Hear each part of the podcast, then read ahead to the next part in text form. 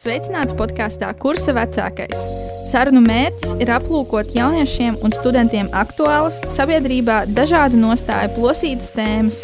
Kursa vecākais ir kompetents un dzīves pieredzējis viesis, kurš palīdzēs iegūt plašāku un dziļāku izpratni, kā arī sarunāties un uzklausīt cilvēkus, kas domā citādāk. Katrā epizodē aplūkosim apgalvojumu un meklēsim, kur tas balstās. Čau! Šīs otrās epizodes tēma ir sabiedrībā šķiet jau, jau ļoti daudz apskatīta un šķetināta gadiem ilgi, un ar to nodarbojas psihologi, īpaši skolu psihologi. Ar jauniešiem strādā dažādas organizācijas, taču izskatās, ka šī problēma nekur nepazūd un joprojām tā aktualitāte saglabājās. Un tā ir jauniešu mentālā veselība, jeb drīzāk tās neveselīgais stāvoklis. Un, uh, sākumā apskatīsim pēc faktiem, um, Latvijā, cik aktuāla ir šī tēma. Organizācija MOT, kas darbojas ar jauniešiem un jauniešu motivācijas trūkumus, trūk, trūkumiem un spējām Latvijā, ir izveidojuši 2021. gadā marta mēnesī pētījumu, kurā ir secināts, ka 65% jaunieši saskārušies ar mentālās veselības problēmām pēdējo divu nedēļu laikā. Savukārt jau 45% jaunieši raksturo savu mentālo veselību kā sliktu. 36% jauniešu par savu nākotni domā negatīvi, savukārt 40% jauniešu pozitīvu uzmundrinājumu saņem mazāk par trīs reizēm mēnesī.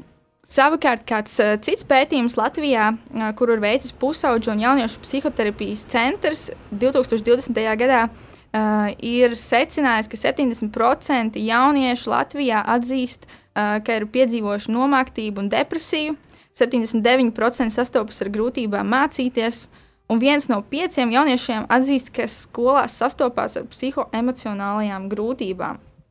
Un, uh, lasot šos datus, ir skaidrs, ka tas nav normāli, ka tā tam nebūtu jābūt. Bet ko tad mēs varam darīt? Un vai vispār tam ir kāds viens universāls risinājums, ja formula, ko secīgi izpildot, mēs varam novērst vai vismaz e, kādā mērā samazināt šo problēmu.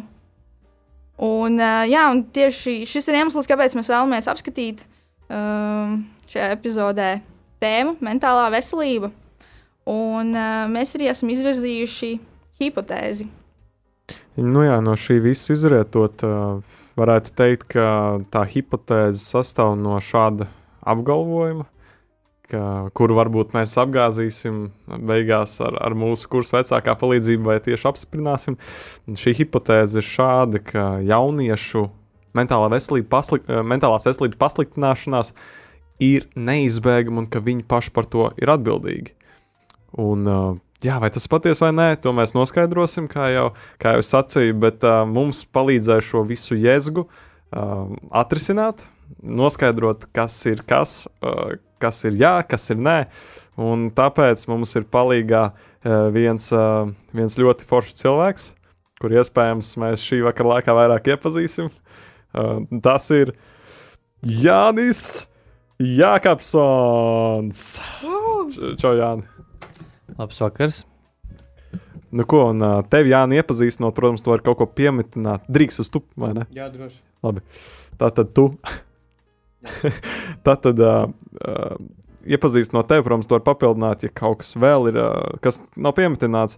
Tu esi topošais psihologs, mm. pārmaiņu konsultants un certificēts, certificēts jauniešu mentors un Facebook lietotājs. Jā. Vai tas viss ir patiesi? vēl Instagram lietotājs. Draugiem LV nav, ja? Nē, ir, bet uh, neatceros paroli. Kā jau mēs visi.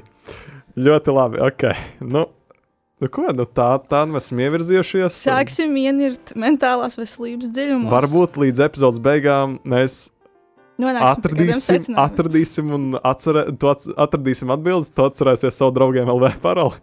Varbūt. Redzēsim. Lecam iekšā.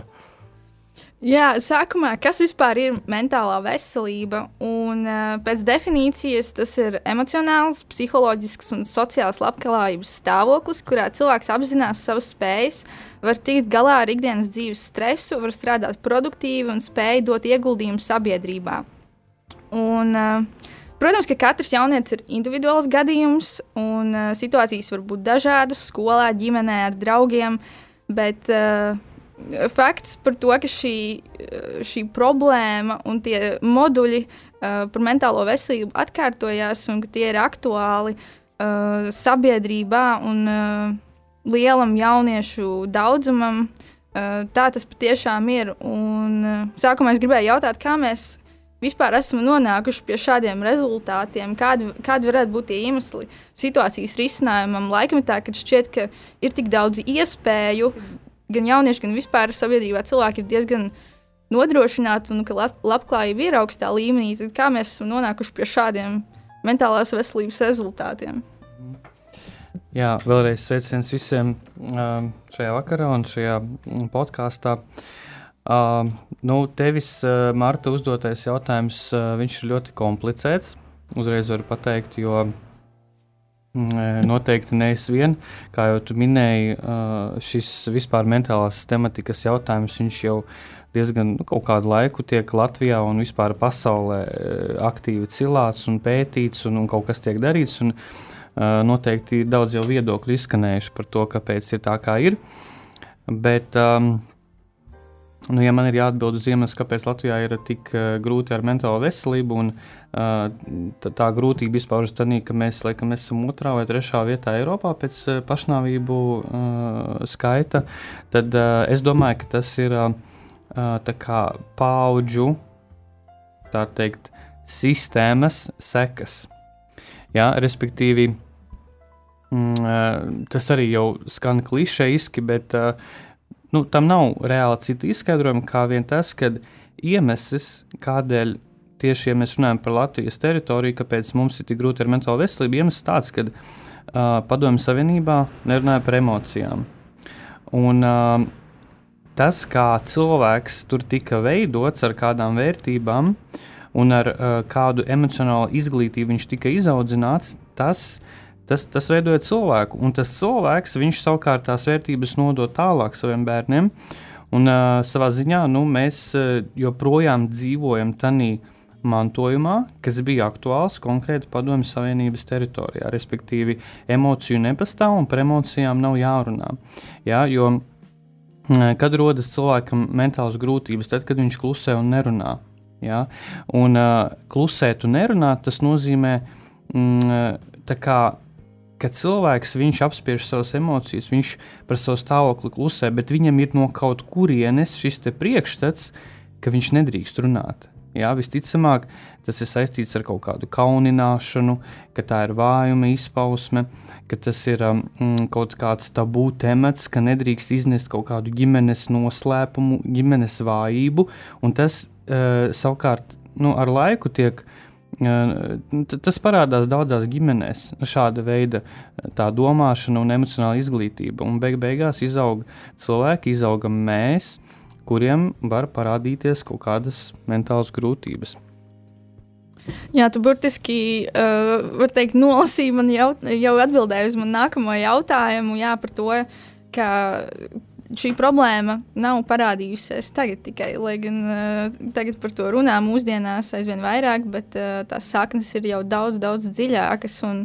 Man šķiet, ka šis pandēmijas laiks īpaši uh, ir sācinājis to problēmu, kas jau ir uh, jā, līdzīgi kā, uh, kā pa, pati Covid pandēmija sāsina cilvēkam tās problēmas, kas jau ir Tāpat arī pandēmija ir tā, kas ir sāsinājusi problēmas, kas jau ir sabiedrībā, un tāpat arī mentālā veselība. Man liekas, arī tas nākamais jautājums, kas ietver to pandēmijas tēmu, man šķiet, ka tas ir tāds ļoti spēcīgs, uh, spēcīga tematika, kas ir pacelta vai ne tā pandēmija, iekšā arī mentālās veselības. Man personīgi tas uh, atspoguļojas tā, es esmu tā vizualizējot, esmu ļoti uh, cilvēcīgs cilvēks. Ja, nu, tas ļoti jocīgi izklausās, bet esmu burtiski cilvēku cilvēks. Man ļoti svarīgi ir tas, ka man katru dienu vismaz divas, trīs tikšanās ar cilvēkiem.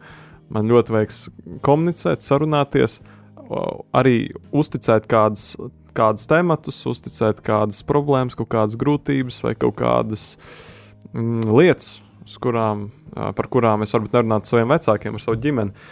Un, um, Nu jā, man šķiet, savā ziņā, varbūt tas iemesls, kāpēc ir tās mentālās veselības tie kaut kādi sācinājumi, ir tas, ka nav tā, tiešām tā komunikācija, tā veselīgā komunikācija saskarsme ar cilvēkiem. Jo ļoti iespējams, tiešām mājās jaunieši esot, viņi pat ja vēlās, viņiem nav tā iespēja dot. Un zūms viss jau saka, ka tas nav tas pats. Es varu izslēgt kameras, varu izslēgt mikrofonu, un nav tā dabiskā saskarsme. Nav tas moments, kad ir, ir tā sajūta, bāc, es kaut ko nofeiloju, kaut ko pateicu ne tā, un ka no tā var mācīties. Nē, tu vari, principā, tu neskaries ar kaut kādām problēmām vai grūtībām, kuras tu vari vēlāk risināt, uzticēt citiem. Tā kā man šķiet arī personīgi, nu, tagad jau visiet uz labo pusi, bet uh, pandēmijas laikā tas ļoti daudziem bija tāds ļoti izšķirošs tāds. Izšķirošs moments, kas ļoti iespējams daudz uzlika uz naža asmens, lika iet pa karstām oglēm, no kurām nevar nokāpt. Nu tā. Jā, nu, tā kā tu teici, ka tu esi cilvēks, cilvēks, uh, es esmu introvertāka daudz, un man tāpēc ir tā ilūzija vai arī nu, nosacīta patiesība, ka es jūtos labi vienatnē, bet tomēr neviens cilvēks nav simtprocentīgs introverts un arī ir nepieciešams, nepieciešams saskarsme ar citiem, un to es arī esmu īpaši izjutusi. Uh, Jo, kad ir klusums, tad ir vieta interpretācijai. Bet, jā, Jāni, kā tev šķiet, kā šī pandēmija Latvijā ir sāsinājusi ne šo situāciju? Nu jā, mm, tā kā minēja jau Dārvids, ja, ka viņam ir svarīgi komunicēt ar cilvēkiem, un, un tu teici, ka tev varbūt nedaudz mazāk, tu esi introvertāka, bet tāpat katram no mums ir šī vajadzība komunicēt. Kādam vairāk, kādam mazāk, jo mēs esam sociāls būtnes. Uh, Un, ja mēs paskatāmies uz tādu ļoti senu vēsturi, ja mēs paskatāmies piemēram uz to, kā cilvēki dzīvoja tur pirms diviem, trīs tūkstošiem gadu, tad cilvēkam bija svarīgi iekļauties kaut kādā grupā. Ja? Tā kā šis ir arī, es tā saprotu, kristīgs podkāsts, ja mēs paskatāmies no tāda, piemēram, bibliskā skatu punkta, mēs redzam, ka evaņģēlijos tie cilvēki, kurus sauc par lepras slimīgajiem, ka viņi bija tā kā iztumti ārpus kopienas, ja? viņi bija ārpus pilsētas un viņiem nevarēja atrasties starp cilvēkiem. Ja, un priekš viņiem tas bija tā vislielākā sāpe, ka viņi ir atraidīti. Bet, kad atnāca Jēzus, ko viņš darīja, viņš tos cilvēkus dziedināja, viņš viņus at, e, iekļāva atpa, atpakaļ kopienā. Un tāpat arī bija vecās derības laikā, ka Ja tu esi viens, tevi apēdīs un nositīs. Vai nu dzīvnieks, vai nu kāds e, nu, cita, cita, e, tur, cita ciemata pārstāvis. Ja?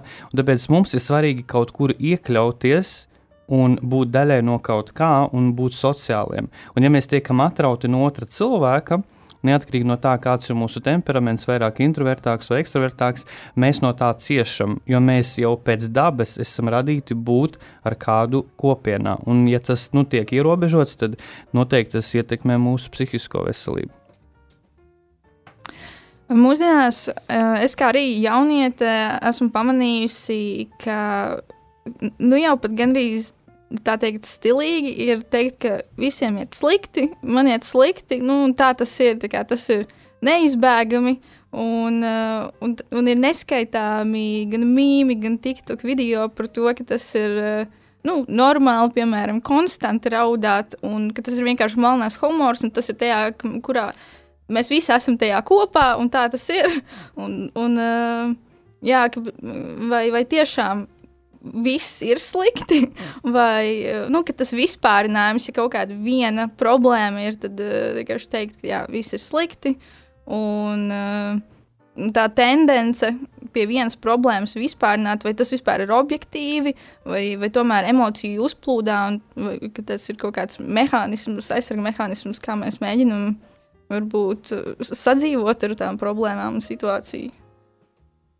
Es saprotu, man prasa, ja? Jā. Um, nu, par, to, par to melno humoru. Es domāju, ka tā ir pati par sevi aizsardzība. Jā. Teiksim, arī mazākā vai lielākā mērā, bet tas tāds aizsardzības mehānisms, kas mūs pasargā no uh, kaut kādām stiprākām jūtām, kas slēpjas aiz tā humora.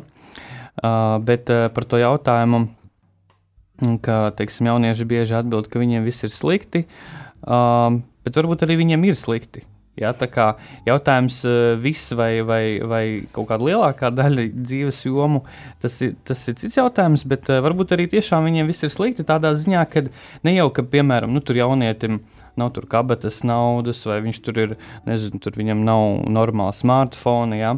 Tas viss viņam ir, bet uh, viņam nav tā dzīve mm, emocionāli piesātināta. Ar tādām kvalitatīvām emocijām. Ja, ka tā e, dzīve ir tāda nu, diezgan pašplūsmā, ka tur trūkst apziņotības, ka tur trūkst um, tādas, teiksim, kaut kādas sevis ieraudzīšanas no malas, ko es vispār daru, kāda ir mana ikdiena. Un, uh, un tas arī var dot to sajūtu, ka tiešām viss ir slikti. Jo, nu, ja tu dzīvo tādā pašplūsmā, tu, tu sevi nevērtē no malas, tev nav kaut kādu pozitīvu emociju, tu visu laiku tikai sevi baro ar, ar, ar tādu Mm, ātru dopamīnu ar sociālajiem tīkliem, tad nu, tev arī notrūlinās tā tāda patiesā dzīves garša, varbūt tā. Man ir viens jautājums, bet tas varbūt būs mazliet attiekts no šī, ko tu teici. Ir tāds mazs uh, humoriņš, mazs joks. Um, introverts iet telpā, viņš uh, četros stūros atradīs arī piekto stūri, kur noslēpties. Jā. Savukārt es kā ekstraverts varu pieminēt, klau, kad es ietu telpā, man vispār stūra nepastāv. Man viss ir apaļš. Es eju, kur es gribu. Klau, jautājums ir šāds.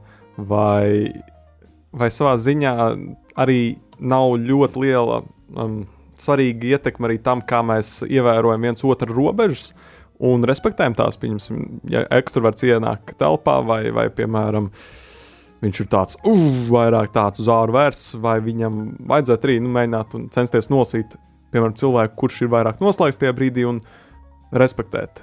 Varbūt tas arī iedragā mazliet to mm. IQ. Nu tā. Um, jā, um, šis labs jautājums, jo um, noteikti, noteikti uh, manuprāt, mums katram individuāli ir jāmācās emocionāla inteligence. Un uh, viņa mums palīdzēs izprast gan to, kas notiek ar mums, gan arī viņa mums palīdz izprast, kas notiek ar otru cilvēku. Un tieši tā kā tu teici, mēs varam iet telpā, piemēram, es šobrīd atnācu, es jūs nepazīstu.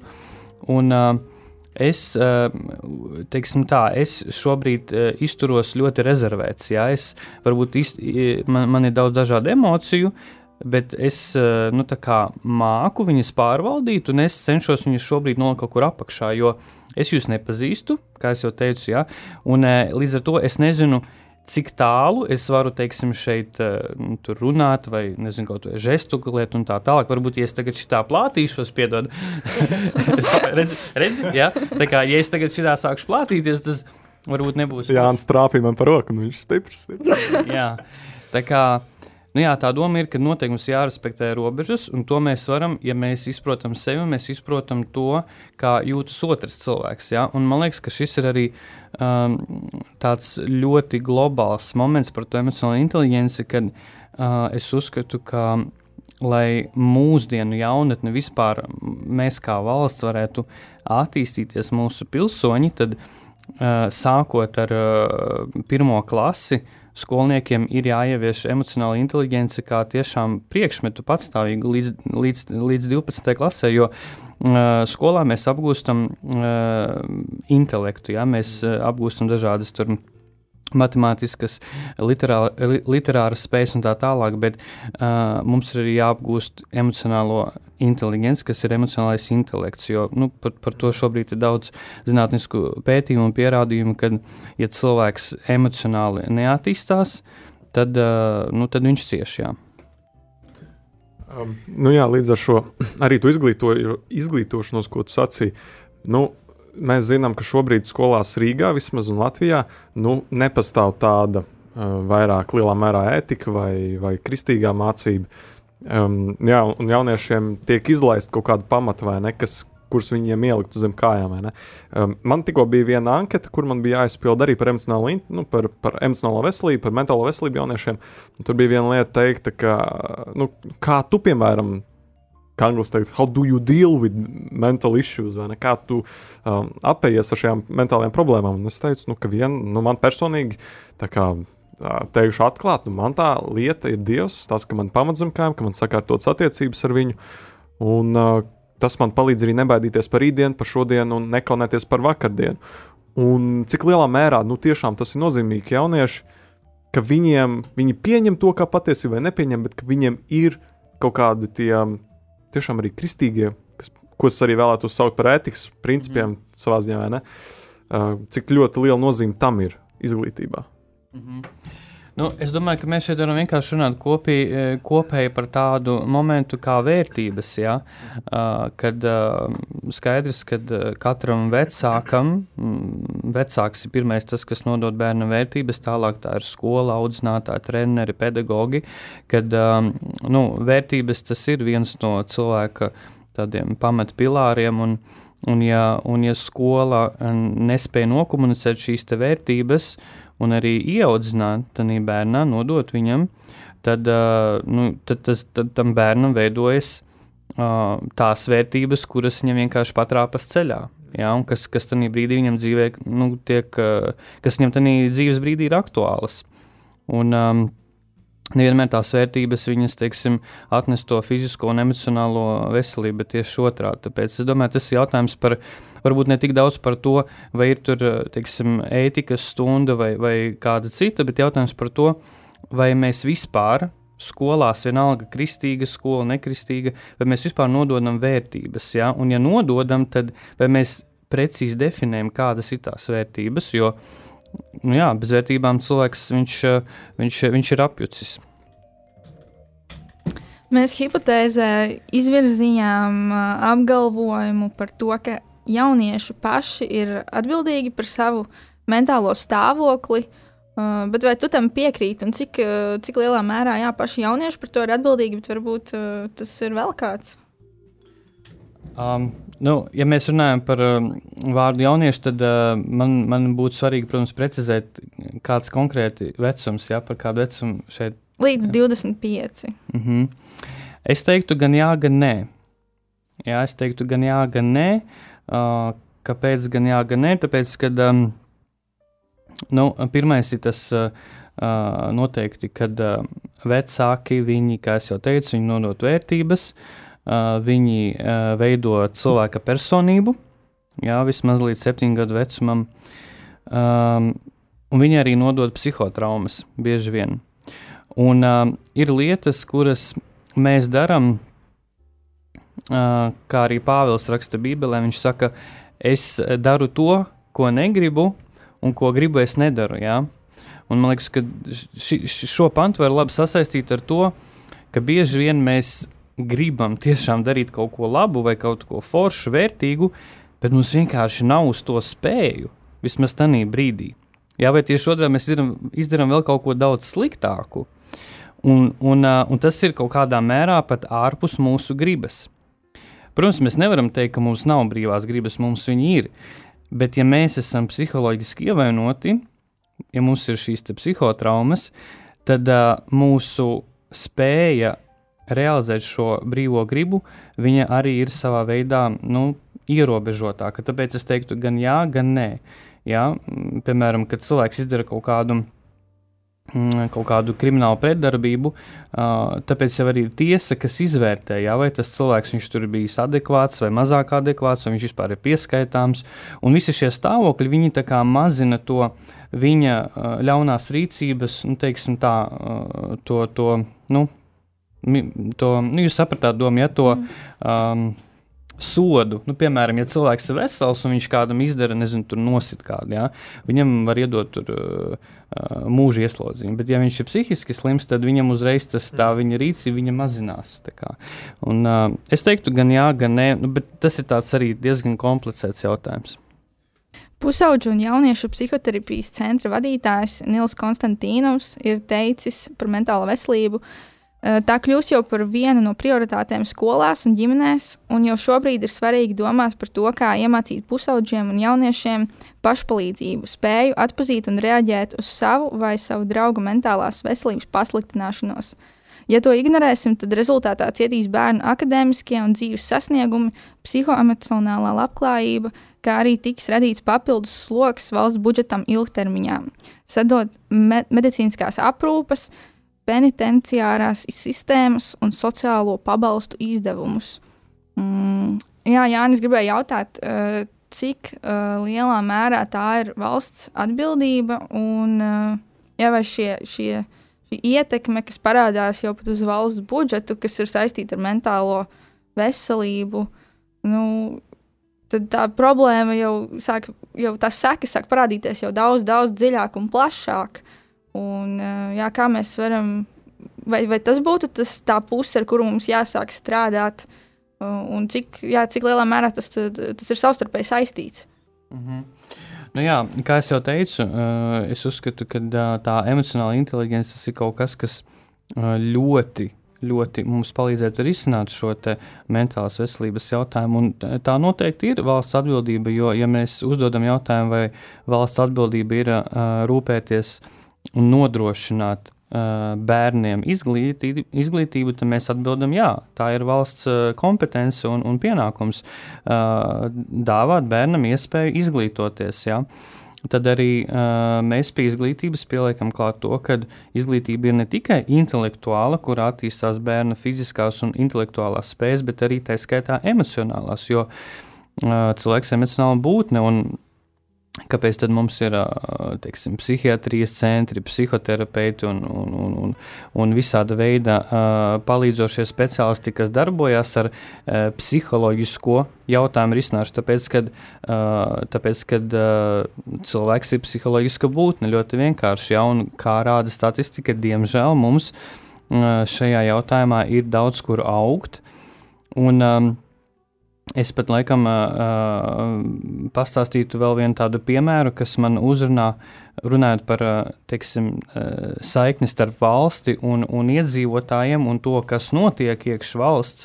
Un, ja mēs konkrēti runājam šobrīd par mentālo veselību, tad tāds piemērs no Amerikas. Um, pirms pāris gadiem tur kāds jaunietis, viņš uh, iegāja uh, vidusskolā, kā tas jau klasiski tur bieži notiek. Uh, Un uh, ar automātu nošāva apmēram 30-40 uh, jauniešus, savus uh, vienaudžus, uh, 16, 18 gadīgos jauniešus. Un, uh, Uh, tā ir traģēdija, tā ir milzīga traģēdija. Nu, tas ir, nu, liekas, mēs dzīvojam reāli 21. gadsimtā, tā kā tu teici, mums ir labklājība, bet tāpat laikā mums blakus šeit kaut kur staigā, nu, ja tā var izteikties, elle. Jā, nu, kaut kur ir klātesoša viņa šī tumsa. Un kāpēc tā? Un tad uh, es tur lasīju pie tā video, ko skatījos YouTube, tur komentāru sadaļu, ko cilvēki raksta. Man ļoti uzrunāja viens komentārs, kuram es simtprocentīgi piekrītu, ka uh, sistēma, šajā gadījumā, ja runa par, par Amerikas sistēmu, attiecībā pret to jaunieti nofēloja. Un ko es ar to domāju? Kad, um, tad, kad, um, tad, kad cilvēks izdara kaut kādu rīcību, nu, paņemšu tādu ļoti vienkāršu piemēru. Man ir mājās divi bērni mazi. Un tad, kad mans divgadīgais puika, piemēram, Ziemassvētkos nogāža egli, un es uz viņu dusmojos, uh, kas notiek? Viņš ar šo rīcību pievērš manu uzmanību. Un viņš to jau ir darījis vairāk kārt pirms tam. Jā, tas ir arī um, ir tāda applied behavioral analysis, tā aba terapija, kuru pielieto teiksim, cilvēkiem, kuriem ir autisms, un cilvēki, kuriem vienkārši grib iemācīties. Teiksim, motivēti uzvesties un, un pārvaldīt savu uzvedību, tad šajā te aba terapijā tiek stāstīts par to, ka, piemēram, ja cilvēks izdara kaut kādu rīcību, kā gadījumā mans dēls, viņš nomet egli, piemēram, es dusmojos uz viņu, un īstenībā viņš gribēja pievērst savu uzmanību uz mani, bet viņš to jau bija darījis vairākas reizes pirms tam, tikai es to nepamanīju. Ja?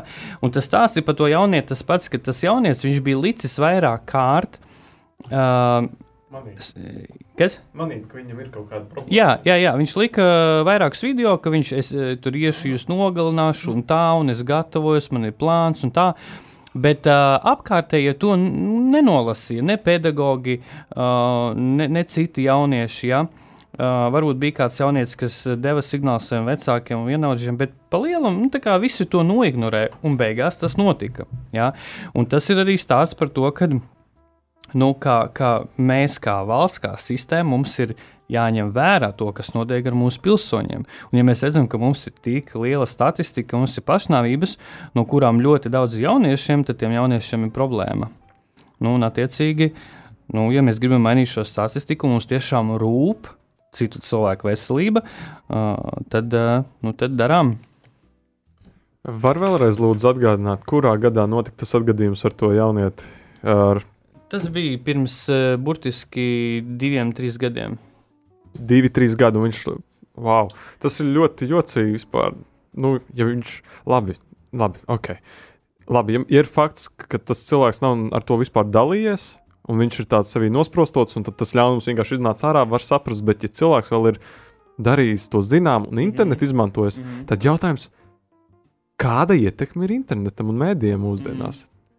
Vai tas vispār kaut ko ietekmē, vai tas, vai tas tiek laists gar ausi? Nu, jā. tas liek padomāt tagad, jā.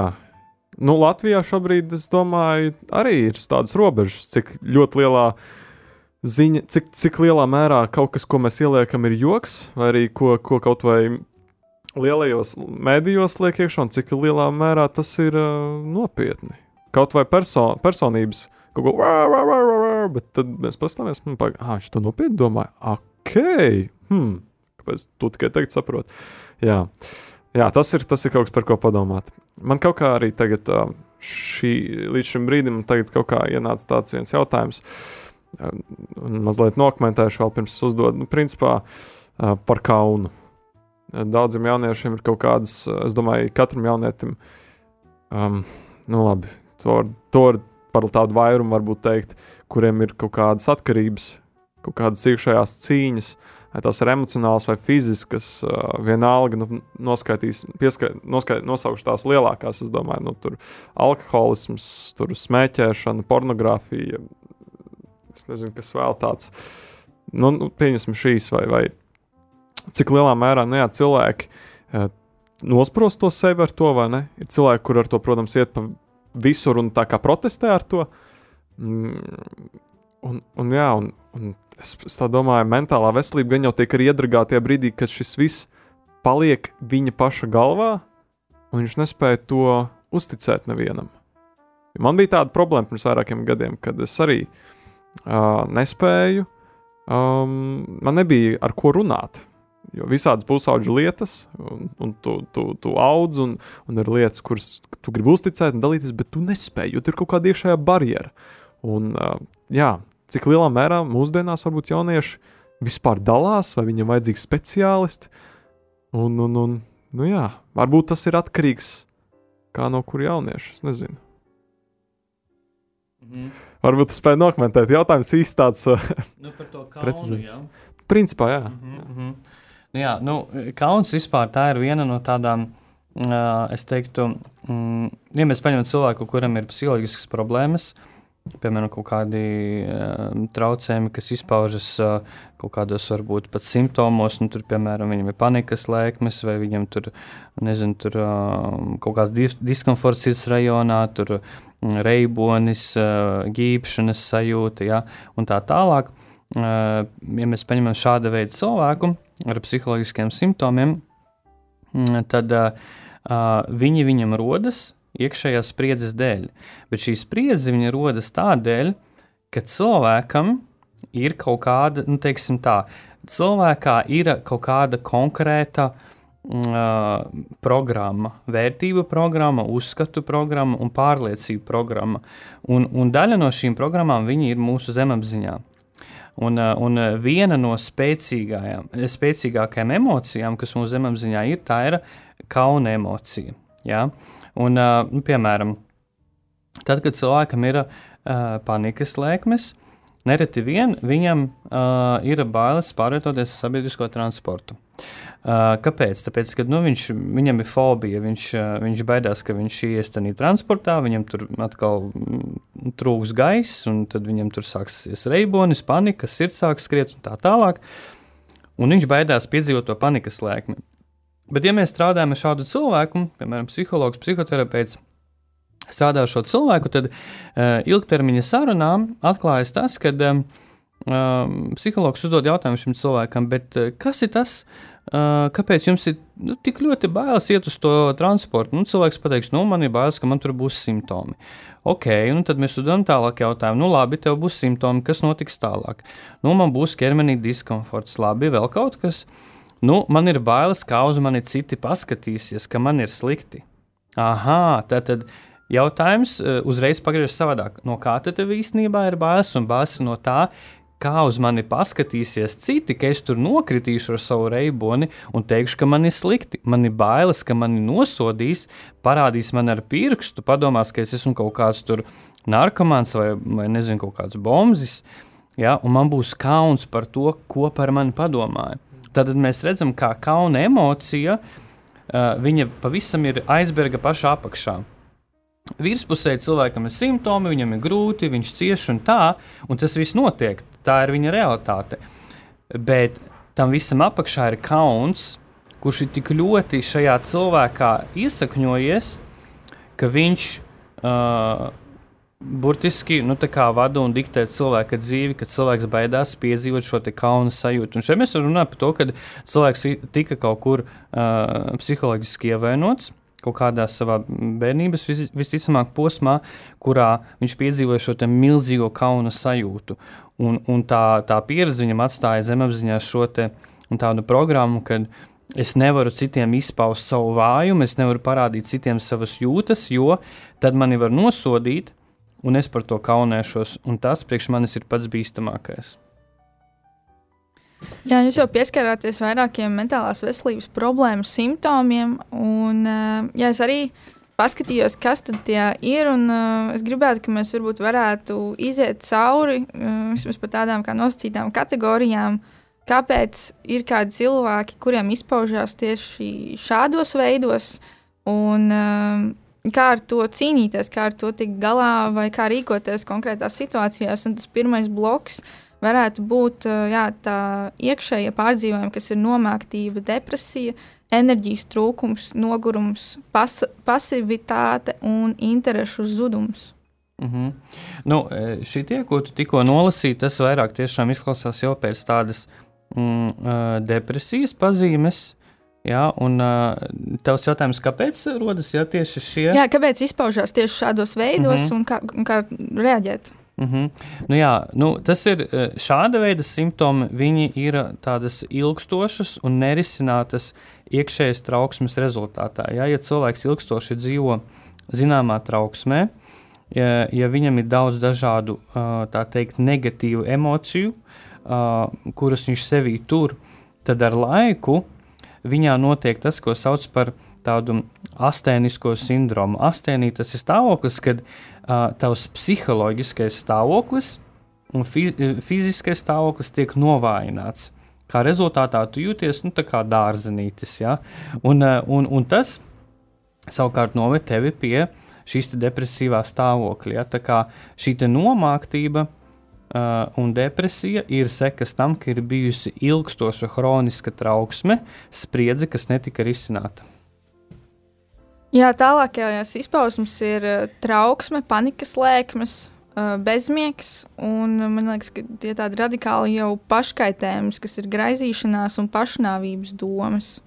-hmm. nu jā, par to trauksmu un panikas lēkmēm mm, iemesli uh, Nu, šeit var būt ļoti daudz un dažādi, un tie katram cilvēkam noteikti atšķirsies. Bet nu, pārsvarā trauksme mums ir par kaut kādām ļoti svarīgām dzīves jomām. Un šīs jomas pārsvarā tās ir vai nu attiecību joma, vai nu tā ir kaut kāda teiksim, mūsu profesionālās karjeras joma. Mums katram ir svarīgi realizēties kā personībām. Un, ja mēs nerealizējamies, Mums, mūsos katrā ir potenciāls, ja, gan garīgs, gan emocionāls, gan fizisks. Un, ja mēs šo potenciālu nerealizējam, mums būs slikti. Un, un ja mēs neattīst, neattīst, neattīstīsimies profesionāli, mums būs slikti. Kā rezultātā pieaugs trauksme. Ja, ja mums būs pieredze, ka mēs esam attiecībās, un mēs izšķiramies, mums būs slikti. Un, uh, un uh, tas savukārt radīs trauksmi. Un trauksme var arī pāriet panikas lēkmēs, kā vienā no trauksmes izpausmēm. Jā, tālāk tur bija. Bezmiegs. Jā. Un graizīšanās un pošanā. Nu jā, bezmiegs, es teiktu, ka ir saistīts pārsvarā ar to, ka, ja cilvēks ir tāds, kas ļoti kontrolē sevi, ja, un varbūt arī apkārtējos. Ja cilvēkam ir ļoti spēcīga tieksme kontrolēt uh, sevi, citus cilvēkus, viņš ir tāds nu, kontrolējošs. Ja, uh, ja viņš ļoti daudz domā, ja viņš visu laiku savā galvā maļ kaut kādas lietas, viņš nevar kaut ko atlaist, kaut ko pieņemt, kādam piedot, viņš ļoti uztraucās par kaut kādām lietām, tad, tad tas var radīt bezmiegu. Un par, bezmie par bezmiegu ir īstenībā ļoti interesanti, jo tad, kad mēs guļam, mēs esam stāvoklī, kurā mēs sevi nekontrolējam. Ja? Kāpēc ir cilvēki, kuriem ir tik ļoti bailes nogībt? Tāpēc, kad tad, kad tu nogīpsti, tu nezini, kas ar tevi būs. Tu esi bezkontrolas stāvoklī. Tāpat arī tad, kad tu guli, tu sevi nekontrolē. Tev vienkārši organisms automātiski strādā.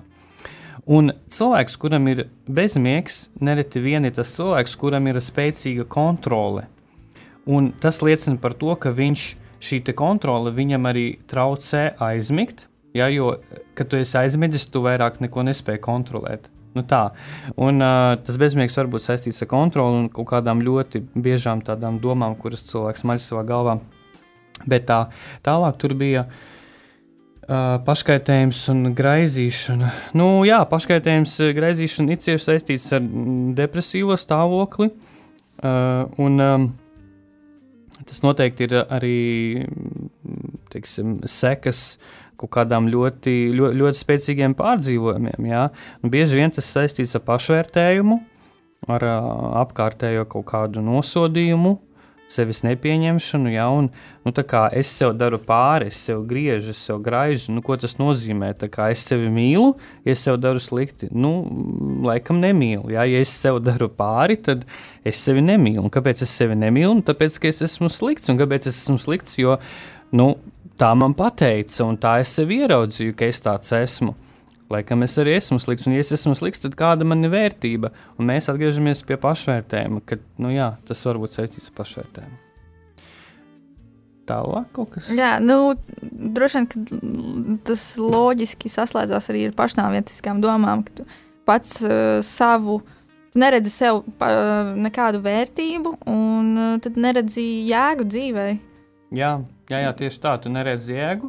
Ja tu neredzi jēgu, tad uh, nu, tev, tev negribās šeit būt. Tev nav, tu, tu neredzi motivējošu iemeslu, kādēļ šeit atrasties. Un tas var būt saistīts ar pašnāvnieciskām domām, ar, ar to, ka cilvēks neredz izēju no kaut kādas situācijas. Jā. Nu, tā. Jā, un līdz ar to arī ir grūtības darīt kādas lietas, vai tas būtu skolā, mācīties, parādās šī demotivācija, jā, kā jau teici. Uh, bet uh, ir arī citi izbēgšanas, kā pēdiņās izbēgšanas risinājumi, kas būtu alkohols un narkotikas. Um, mm -hmm. nu jā, alkohols, narkotikas, uh, tas ir tāds. Um, Nu, tas ir veids, kā atslēgties no realitātes. Ja? Un, un kāpēc es atslēdzos no realitātes? Jo mana realitāte ir skarba. Nu, piemēram, ja ir ģimene, vīrs, sieva, vīrs ir alkoholiķis, uh, kā viņš jūtas, kā, kāds ir viņš tad, kad viņš ir uh, alkohola reibumā. Nu, viņš ir ārpus adekvātas apziņas. Viņš ir, nu, teiksim tā, viņš ir citā realitātē. Ja? Un um, viņš var atslēgties no tā, kāda ir patiesība. Un patiesība ir tāda, nu, ka, piemēram, viņam attiecības ir uh, pilnas ar konfliktiem, strīdiem, nelaimīgas attiecības. Un, lai to izbēgtu, cilvēks izvēlas atkarību, lai nejustu to, ko viņš jūt savā reālajā dzīvē. Un, nu, veids, kā risināt šo atkarību jautājumu, ir tad atgriezties pie tā, kas tad notiek tavā dzīvē, realitātē, kas ir tās jūtas, kuras tev ir sāpīgi piedzīvot, un tad nu, pieskarties pie tām jūtām un, un nu, skatīties, kas tur ir Uh, no kā cilvēks īstenībā bēg ar to alkoholu. Jo alkohols, narkotika tā ir vienkārši tāds nu, bēgšanas mehānisms. Tas ir arī viss. Jā, tad noteikti arī vēl bēgšanas veids uh, ir uh, datorspēlēšana, sēdēšana sociālajos tīklos, Un uh, arī vēršanās uz citiem cilvēkiem, kas būtu mobbings, un arī pazemošana, kas, kur, kur atkal ir šie pieminētie sociālie tīkli, bet arī reālā dzīve. Um, kā, kāpēc ir cilvēkam tā vēlme um, savas problēmas projicēt uz citiem? Mm um, nu, jā, tieši tā iemesla dēļ, ka tu nevari pieņem to, ka tev tā ir. Tu to vai nu neatzīsti, vai vienkārši tu, tu to zini, ka tas tev ir, bet tu to nevari pieņemt. Un, un tad ir arī vieglāk um, projicēt to uz kādu citu. Un, un šajā gadījumā, piemēram, mēs runājam par mobbingu, tad tie cilvēki, kas mobbingo otru cilvēku, tie cilvēki ar ļoti zemu pašvērtējumu. Tādā veidā viņi ceļ savu vērtību, ka viņi it kā izceļas uz otra cilvēka nelaimes. Ja? ja otrs cilvēks tiek pazemināts, un es esmu tas, kas viņu pazemināja, tad jau es esmu nu, kaut kāds. Ja? Tā kā cilvēks piepilda ar kaut kādu vērtības sajūtu ar savu uzvedību. Un šeit ir noteikti runa par to, ka šim cilvēkam pašam ir ļoti zems. Un ļoti, ļoti vājš pašvērtējums, ja, un tāpēc arī cilvēks mobbingo otru. Uh, nu jā, tā kaut kā. Un tāda kombinācija man šķiet, kas bija gan iepriekšējiem iemesliem par uh, vielu lietošanu, gan arī šim uh, citu cilvēku pazemošanai, uh, kad sāk parādīties tāda problēma kā vardarbība mājās, vardarbība ģimenē. Um, varbūt, kādu, varbūt ir kāds konkrēts gadījums, uh, kur, uh, kur šāda situācija ir rezultējusies un kā, uh, kā to risināt. Uh, tu domā vardarbību, kad uh, Fizisku vardarbību, mm -hmm. sišanu. Mm -hmm. Kad uh, tas ģimenē notiek, ja? Jā, ka tā tiek mentālās mm -hmm. problēmas pēdiņās risinātas. Mm -hmm. Tā kā kādam ir psiholoģiska problēma, un viņu, viņu, yeah. viņu tā daudz, lai viņš nu, nedara. Tur, piemēram, nav nedzer alkoholu. Jā, tā es domāju, tieši pretēji, ka viņš ah. uh, ar savu agresiju un to kā, emociju izplūdu, izvirdumu, uzsprāgšanu uh, sāk fiziski ietekmēt apkārtējos. Mm -hmm, mm -hmm. Um, nu jā, uh, es domāju, ka. Um, Ziniet, kā es domāju, vēl, vēlreiz varu lūdzu pārformulēt, jo es. Uh, Jā, es varbūt jau jā, stundu protams. runāju, es drusku arī noguru. Bet, Viss kārtībā, jā. Uh mhm. -huh. Tad eh, tas mans jautājums bija, vēl viens no simptomiem ir vardarbība mājās, kas izpaužās kā situ, sišana un uh mhm. -huh. pazemošana. Uh mhm. -huh. Un, eh, kā es to izprotu, ka tā ir tāda eh, kombinācija, kas nāk jau iepriekšējiem iemesliem par alkoholu uh -huh. un arī jā, pret citu cilvēku. Uh -huh pazemošanu, vērtības pazemināšanu, lai justos pats labāk. Bet, eh, jā, tāpēc eh, vēl es jautātu, varbūt ir kāds konkrēts piemērs, eh, kur, kur šo situāciju, kā to risināt, kā to risināt arī, nu, īpaši Latvijas sabiedrībā, kas mums būtu visaktuālākais. Mm -hmm. nu, jā, tiešām tā, tā fiziskā vardarbība ir ļoti aktuāla mūsu valstī. Un, kas ir interesanti, fiziskā vardarbība ir ne tikai no vīriešu puses, bet arī dažreiz no sieviešu puses, uh, par ko varbūt mazāk mēs ikdienā dzirdam. Bet, uh, nu jā, pārsvarā, protams, ir vīrieši, kas uh, dara to fizisko vardarbību. Kā to risināt? Nu, um, es domāju, ka ja jau tik tālu uh, ģimenē tas stāvoklis tiek uh, ielaists, tad uh, nu, risinājumu ir diezgan maz. Tāpēc, kad, uh, Es uzskatu, tad, kad cilvēks jau sāk pats savu roku, un, un sevišķi, ja mēs runājam par vīrieti, labi sievieti, viņa tur kaut kā emocijās noraujās, un nu, viņa, teiksim, varbūt neregulāri. Jā, tur vienreiz viņai paslīd roka, viņa tur nu, vīram iesit pa plecu, piemēram.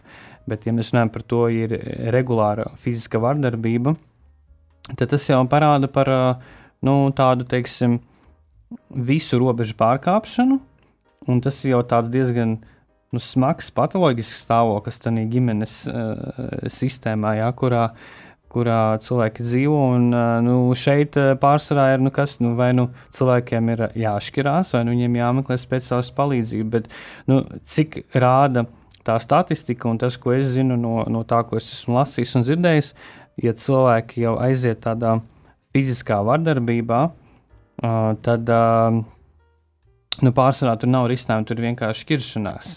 Ja, tā kā sevišķi, ja mēs runājam par vīriešiem, nu, pārsvarā uh, vīrieši izpauž šo fizisko vārdarbību. Tā kā, nu, jā, es teiktu, ka tur izsnāmi diezgan maz. Līdz ar šo, šo es vēlos arī parādīt vienu afišu, kur uztaisīja man labs draugs. Un, uh, jā, klausītāji, tev es mazliet vizualizēšu to, kas tur ir. Tur tā tad ir uh, vannā um, uh, vizualizēti uzraksti, dažādi uzraksti, Uh, tur negribēts, nevajadzīgs naids, dusmas, sāpes, vientulība, un, un vidū ir pašnāvība uzrakstīta. Un, uh, un siksna un, un, un tāds lozungs pašnāvība sākas ģimenē. Un tā diezgan agresīva tā afiša, uh, vai tā no patiesības, mēs saprotam, ka īsti nē. Vai tu vari mazliet pakomentēt jā, par to, cik liela ietekme jā, ir tā sākotnējā ietekme, nu, emocionāla ietekme ģimenē? Mhm. Un, un, un, jā.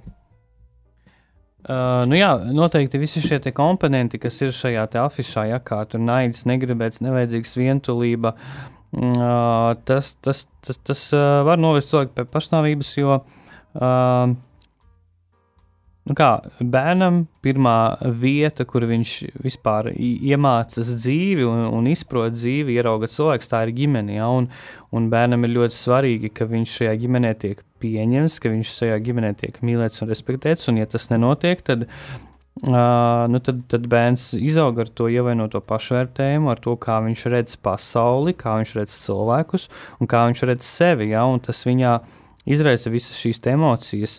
Ja viņš ir nevajadzīgs, tad nu, kāda jēga būt? Jo, kā jau teicu, mums ir ļoti svarīgi būt pie kāda piesaistītiem. Mēs esam sociāls būtnes. Ja, ja es negribēju, ja es dzīvoju laiku vientulībā, tad uh, kāda jēga šāda veida eksistencē? Nu jā, tā ģimene tiešām ir pirmā tāda kopiena, kurā uh, kurā ir ļoti svarīgi, ka tas bērns pēc iespējas veselīgāk iziet visas savas uh, psihoemocionālās attīstības fāzes, tā lai viņam pēc tam nav jādomā par pašnāvību. Tā kā uh, nu jā, vecākiem ir uh, liela atbildība. Nu, ko mēs jau ejam uz uh, mūsu šīs epizodes noslēguma noti. Uh, Un, uh, es vēlos vienu tādu praktisku ieteikumu no tevis, varbūt dzirdēt. Es uh, no janvāra darbojos ādažos ar jauniešiem, sākam tādu jaunu, mm, attīstam kalpošanu jauniešiem, jo tur daudz jauniešu, bet viņiem nav īsti ko darīt. Nav slitkalniņa iespējams vai kas, nu visādas lietas. Un, uh, jā, un es satikos ar tiem jauniešiem kādu laiku atpakaļ, un sanāk janvārī, jā, uh, Un viena meitene, nu, tas, tas uh, Džeks, ar kur mēs tur darbojamies, viņš ved mājās, viņš saka, klau, tā viena meitene, viņa, kad runāja ar tevi, varbūt ievēroji, viņa neskatījās uz tevi. Man tāds, jā, iespējams. Viņi vispār neskatās cilvēkiem acīs, kad viņiem runā. Un viņš teica, klau, ok, um, es tev izskaidrošu, kas tur ir pa situāciju. Viņa neskatās, jo viņa, viņai ļoti pietrūka tā sākotnējā lieta, par ko mēs runājam, tā socializēšanās. Un viņi jau ir aizmirsusi dēļ tā zūma, dēļ tā visa digitālā, kā vispār uh, reaģēt uz cilvēkiem, kā skatīties viņiem acīs un ko ieteikt tādai meitenei. Mhm. Kā, kā palīdzēt viņai? Um, nu jā, ja meitene neskatās acīs, un tās ir kaut kādas uh, digitālo, teiksim, tur, uh, uh, ierīču sekas, tad uh, Nu, Jā, es ieteiktu klasisko laikam, jautā, tādu jautājumu secību, ko, es, ko var arī katrs cilvēks pielietot attiecībā pret sevi. Ka, uh, kā es šobrīd jūtos? Ja, nu, ja cilvēks neskatās acīs, tad nu, uh, ir, ir kaut kāda iemesla, kādēļ viņš to nedara. Ja, un, uh, viņam ir kaut kāds noteikts emocionāls stāvoklis, un, un šeit cilvēks var uzdot sev jautājumu, kā es šobrīd jūtos Kā, kāpēc, piemēram, es neskatos cilvēkiem acīs? Uh, jā, kā, m, kādas emocijas ir manī, kā es šobrīd jūtos, kāpēc es tā jūtos un ko darīt man ar savām emocijām. Nu, tā, tas arī tāds man, man um, patīk, nu, kad man kāds paprasa kādu padomu, tad um, patīk katram cilvēkam to ieteikt, jo tas ir visas emocionālas inteliģences pamatā. Uh, sākumā pievērst uzmanību uz to, kā es šobrīd jūtos. Un, un kāpēc es tā jūtos? Ja mēs varam saslēgt šo ķēdīti, kā es jūtos un kāpēc, mēs varam ļoti daudz ko izprast par sevi un par apkārtējiem. Un, uh, jā, varbūt sākt ar to, kā es šobrīd jūtos iespējams arī noderīgs.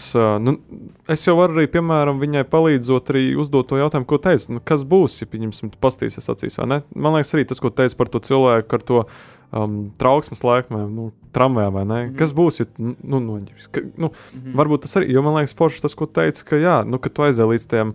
Tā ir saknē, vai ne? Uzdodot, mm -hmm. hm, kas būs, ja tas, a, kas būs, ja tas, a, kas būs, ah, bet patiesībā tas bija tas iemesls.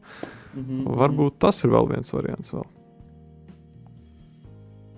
Jā, jā, tā var būt. Eh, bet, nu, eh, es domāju, ka mums tiešām ir jābūt ļoti vienmēr tādiem uzmanīgiem tiksim, attiecībās ar otru cilvēku, jo mēs līdz galam varbūt nezinām to, nu, kādēļ cilvēks ir tāds, kāds viņš ir. Jā, un, jā, jā, jā un, uh, piemēram, nezinu, varbūt ir kāds cilvēks, kurš uh, tur. Uh, skatās uz otru cilvēku, kurš tieši tā neskatās tur acīs. Viņš skatās kaut kur uz leju, un tā viņam liekas, ka kaut kāds dīvains cilvēks. Bet tam cilvēkam varbūt ir autisms. Ja, un, uh, cilvēkam ar autismu ir raksturīgi skatīties kaut kur vienā punktā, tiksim, grīdā. Ja, viņš iz, viņš bēg no acu kontakta, viņam pārsvarā vispār nav acu kontakta. Uh, es vienkārši strādāju ar autismu bērniem. Un, um, un, uh, jā, un tāpēc nu, mēs nevaram zināt. Ja, uh, kas ir līdz galam tas iemesls. Bet, ja mēs tiešām zinām, ka tas ir kaut kādu uh, šīs pandēmijas sekas, kad cilvēks laiku ir sēdējis uh, pie datora, tur sociālajos tīklos, izvēr, tādā veidā sāk izvairīties no tās komunikācijas, nu, jā, tad varbūt mēs varam uzdot tādu jautājumu, tā kā, kas notiks, ja tu paskatīsies. Jā? Uh, nu, visbiežāk tas var būt saistīts ar to, ka cilvēkam ir bailes no šī dzīvā kontakta, jo dzīvajā kontaktā mēs kaut kādā veidā tiekam emocionāli atkailināti. Ja mēs ieraugam otru cilvēku nu, to klātbūtni, kaut kādas viņa ievaino, ievainotību, jā, viņa kaut kādu uh, tādu. Nu, Uh, kā teikt, nu jā, ka, viņš, ka viņš ir ievainojams, ka viņš ir cilvēks. Tas savukārt var izraisīt bāzes, ka nu, mani kāds ieraudzīs, vērtēs, izvērtēs, pamanīs un tā tālāk.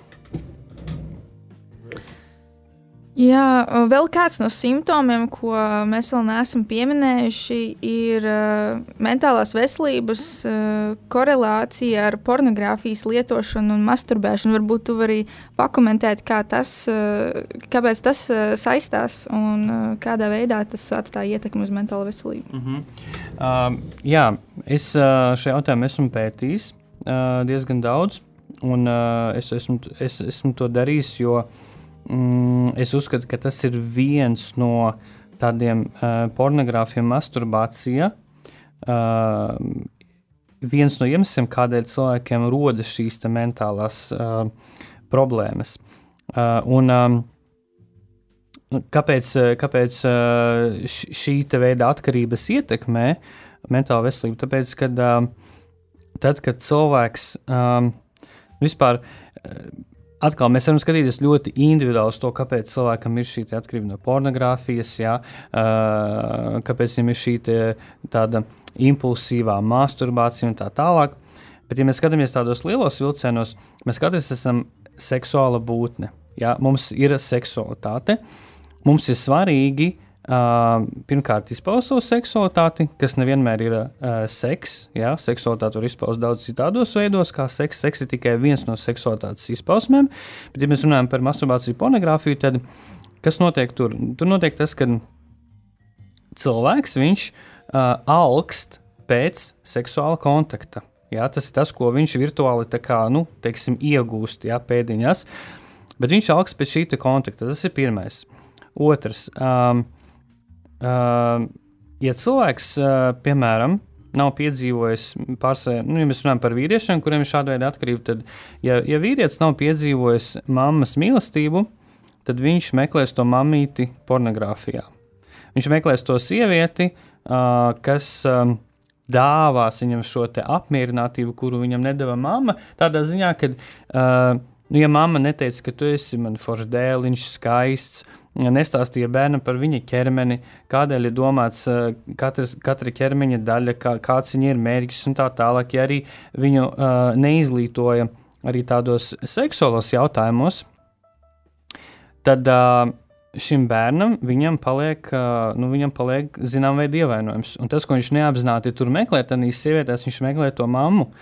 Un, uh, un tāpēc viņš var iekrist tajā atkarībā. Ja? Bet, uh, nu, tā, teiksim, tādā ultimately variantā tas ir tas stāsts par to, ka mēs esam seksuāls būtnes, mums gribās šo seksuālo pieredzi, bet kā mums ir bijis šis ievainojums, mēs izvēlamies tādu neveselīgu veidu, kā šo ievainojumu kompensēt. Ja? Un tad, tad mēs ejam tādā pornogrāfijas atkarībā, kur atkal kā viņi ietekmē mūsu mentālo veselību, ietekmē ļoti uh, tiešā veidā, ka tas noved pie depresijas. Kāpēc? Tāpēc, ka uh, tas, un mm, to ir pierādījuši zinātnieki, tas dopamīna apjoms, ko cilvēks piedzīvo uh, orgasma brīdī, kad viņš skatās pornogrāfiju, ir ļoti liels.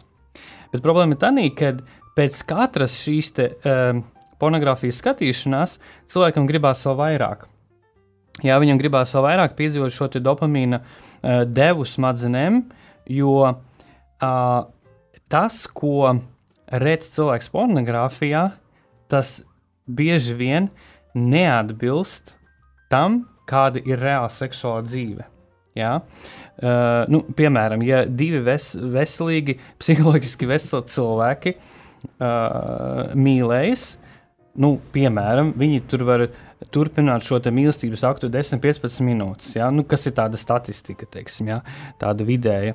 Uh, tad uh, pornogrāfijā mēs redzam, ka tur uh, tam, tiem cilvēkiem ir.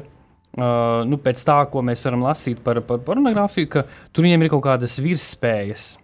Nu, tur, tur tas tie akti ilgs stundām un tā tālāk, kas ir kaut kas uh, nu, nereāls un neadekvāts. Un, un ja smadzenes piedzīvo to, ka tas akts ir tāds, jā, tad, tad mums arī rodas priekšstats par to, kādam ir jābūt uh, seksam, kāda ir jābūt seksuālajai pieredzei. Katru reizi smadzenēm gribās ar vien vairāk un vairāk un vairāk. Un uh, vienā brīdī vienkārši uh, cilvēks piedzīvot šo pārmērīgi lielo dopamīnu. Uh, viņā notiek milzīgas svārstības starp to, ka cilvēks piedzīvo lielu devu, Un tad viņa šī deva uzreiz ļoti krītas. Nu, kā, viņš piedzīvo šo baudas sajūtu, un viņa uzreiz pazūd. Un tad gribās vēl, jā, un tad tu vairāk nevari dabūt, jo ir kaut kāds limits smadzenēm. Un viss, un tāds cilvēks ja, iedzīvojas uh, jā, depresijā. Jā, paldies par šo izsmeļošu atbildi. Man šķiet, ka jā, tas arī tāds liels, liels smags temats, liels bloks, ko, ko pacelt. Un par ko runāt, un par ko varbūt netik daudz runā tieši mentālās veselības sakarā, vairāk tomēr piemin depresiju, un, un, un tās ir tās izpausmes. Mm, bet um, kādiem cilvēkiem arī tas izpaužās kā problēmas ar ēšanu un svaru.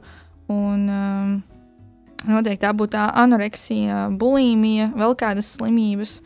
Un, uh, jā, kā, kā ar to cīnīties? Mm -hmm.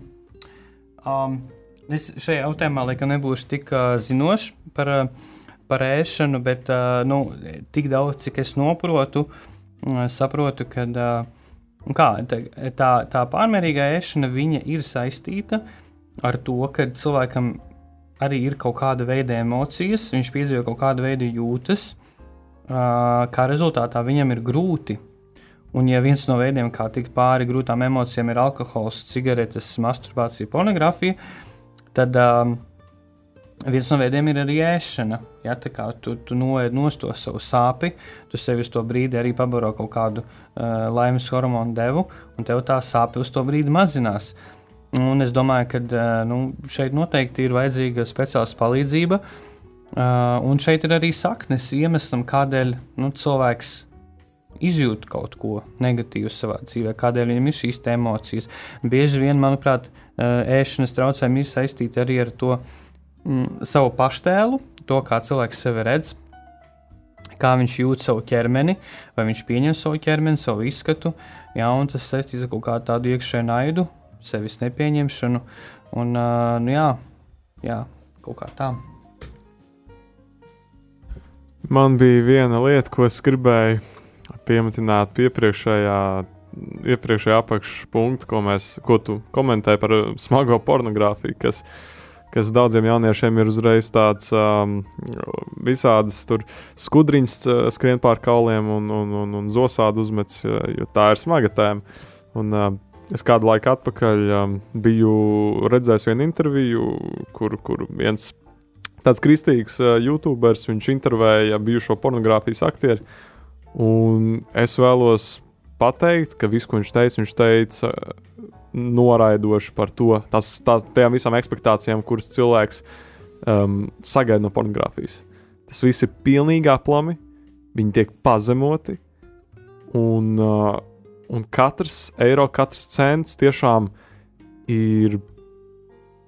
Katrs eiro, katrs cents, ko viņi nopelna, tur dolāri, ja, ir principā viens solis tuvāk kapam.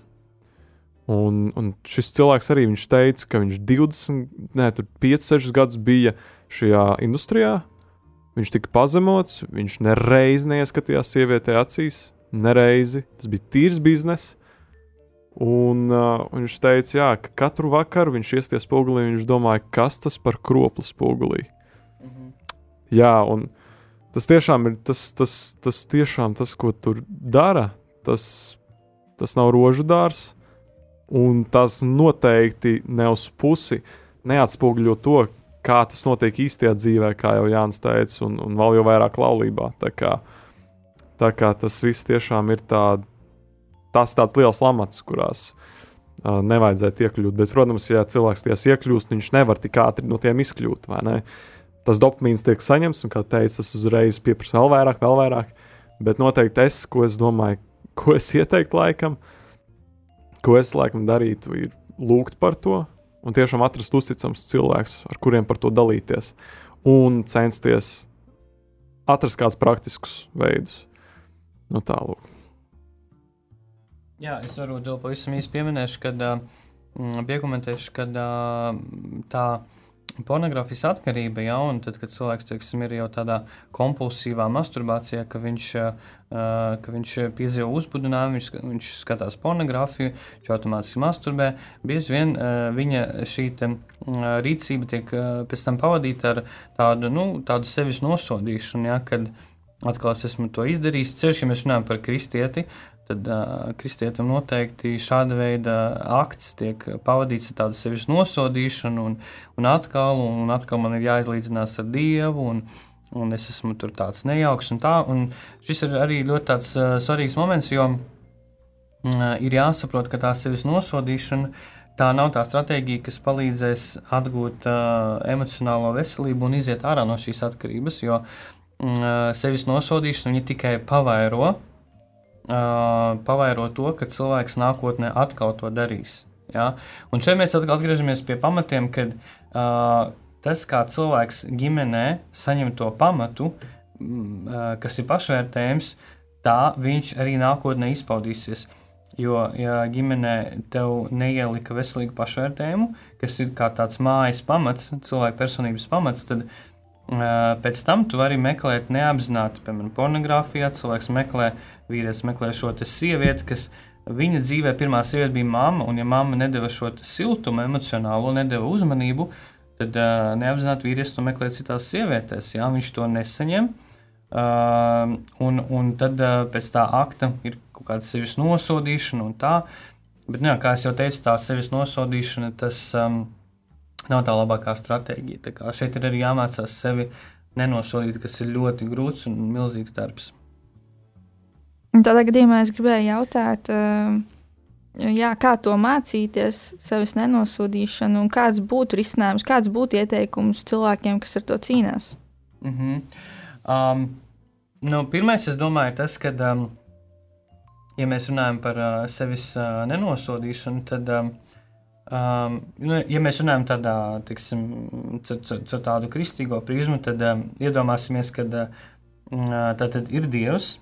Jā, un, un piemēram, mēs sagrēkojam, mēs, mēs izdarām šo masturbācijas aktu, un, un tad mēs sevi nosodām. Jā, kā mēs sakām, mēs izdarījām slikti, un, un atkal sagrēkojam, ko Dievs par mani domā, un tā, un šitā man atkal jālūdz Dievam atdošanu. Bet šeit ir kāds svarīgs moments. Tad pirmais, pirmie cilvēki, no kuriem mēs piedzīvojam nosodīšanu un kritiku, tie ir, protams, mūsu vecāki. Un, ja mēs esam piedzīvojuši šo kritiku un nosodīšanu, tad mūsos parādās tāds psiholoģisks uh, process, ko sauc par iekšējo kritiku. Ja?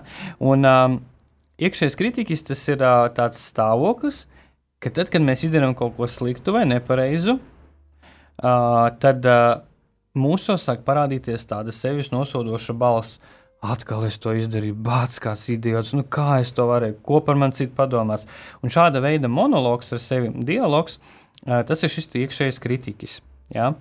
Un, um, tad, kad cilvēks izdara šo te, um, masturbāciju, skatījās pornogrāfiju, viņš sev nosoda. Veids, kā viņš var iemācīties sevi nenosodīt, ir tas, ka uh, ir jāiemācās atzīt to, ka sevis nosodīšana, šī tāda šausmīšana, viņai ir ne tik daudz sakara ar to, ko tu tajā brīdī izdarīji, cik daudz ar to, ka tev ir šis iekšējais kritiķis. Un, uh, ja cilvēkam ir šis iekšējais kritiķis spēcīgs un liels, tad viņš sevi uh, nu, nosodīs, ja, tad, kad viņš ir. Uh, Un, uh, bet, ja cilvēks strādā ar iekšējo kritiku, kad nē, tā nav mana balss, tā ir balss, ko es dzirdēju no saviem vecākiem, tā ir mana vecāku balss. Uh, tas ir uh, manu kaut kādu treneru, pedagoģu balss, tas ir kaut kāda autoritāšu balss. Tad, uh, tad uh, tajā brīdī, kad tu paklūpi, tu arī varēsi izturēties pret sevi vairāk ar līdzjūtību. Kad, uh, ok, es izdarīju slikti, bet tas nenozīmē to, ka es esmu slikts. Un, ja man parādās domas, ka es esmu slikts, tad tas vairāk saistīts ar to, ko es esmu dzirdējis par sevi atkal. Ja? Tas ir šis iekšējais kritikas. Tad pirmais ir apzināties, ka sevis nosodīšanas balsts tas ir visticamāk saistīts ar iekšējo kritiku. Otrs, uh, uh, ja es sevi nosodu, es sev izsūcu psiholoģisko enerģiju, un uh, mans stāvoklis tikai pasliktinās. Trešais, Dievs redz visus iemeslus un secību, kādēļ es nonācu līdz tam grēkam, kādēļ es pakritu. Jo uh, ir, kā jau teicu, tad, kad mēs izdarām kaut ko sliktu, ja, līdz tam ir bijuši kaut kādi soļi veikti, ir bijuši kaut kādi iepriekš iemesli, kādēļ mēs izdarām kaut ko sliktu. Un, uh, tāpat arī ar pornogrāfiju es esmu kritis šajā grēkā. Tātad uh, līdz tam ir bijuši kaut kādi solīši, kas ir krājušies un rezultējušies tādā grēkā. Uh, Un tas nozīmē, ka uh, Dievs redz to visu kopainu. Nu, piemēram, ja es jūtos vientuļš, ja es jūtos emocionāli nomākts, tas manī krājas. Ja es nesaņemu kaut kādu cilvēku klātbūtni, uh, tas vēl vairāk manī sakrājas.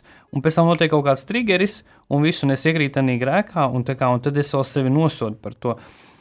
Protams, grēks paliek grēks, bet vai nosodīšana? Un ceļu šausmīšana man palīdzēs? Nē, vai Dievs man nosoda šausta? Nē, kāpēc? Nu, pirmkārt, tāpēc, ka viņš mani mīl. Ok, varbūt es to mazāk izjūtu, bet, ja es paskatos uz to, ka man ir bijuši apstākļi, kas man pie tā noved, un tie apstākļi tādi, ka es esmu ievainota būtne, tad uh, nu, ir jāsaprot, ka kad laikam tā uh, stratēģija būtu pret sevi būt žēlsirdīgam. Tā kā es izdarīju slikti, uh, bet es mācīšos būt žēlsirdīgs un pieņemt to, ka jā, es izdarīju slikti, bet, bet tam ir zināmi iemesli, un um, būšu žēlsirdīgs. Nu, kaut kā tā. Tad, principā, man kaut kā uzreiz arī es kaut kur dzirdēju, sakarā šo tematiku, tā, nu, nu to, ka pastāv tāda, tāda lieta kā godly sorrow, jeb tā dievišķā nožēla.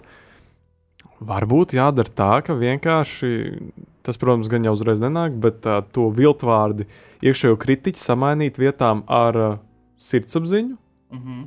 kas, kas ir veselīgi, vai ne?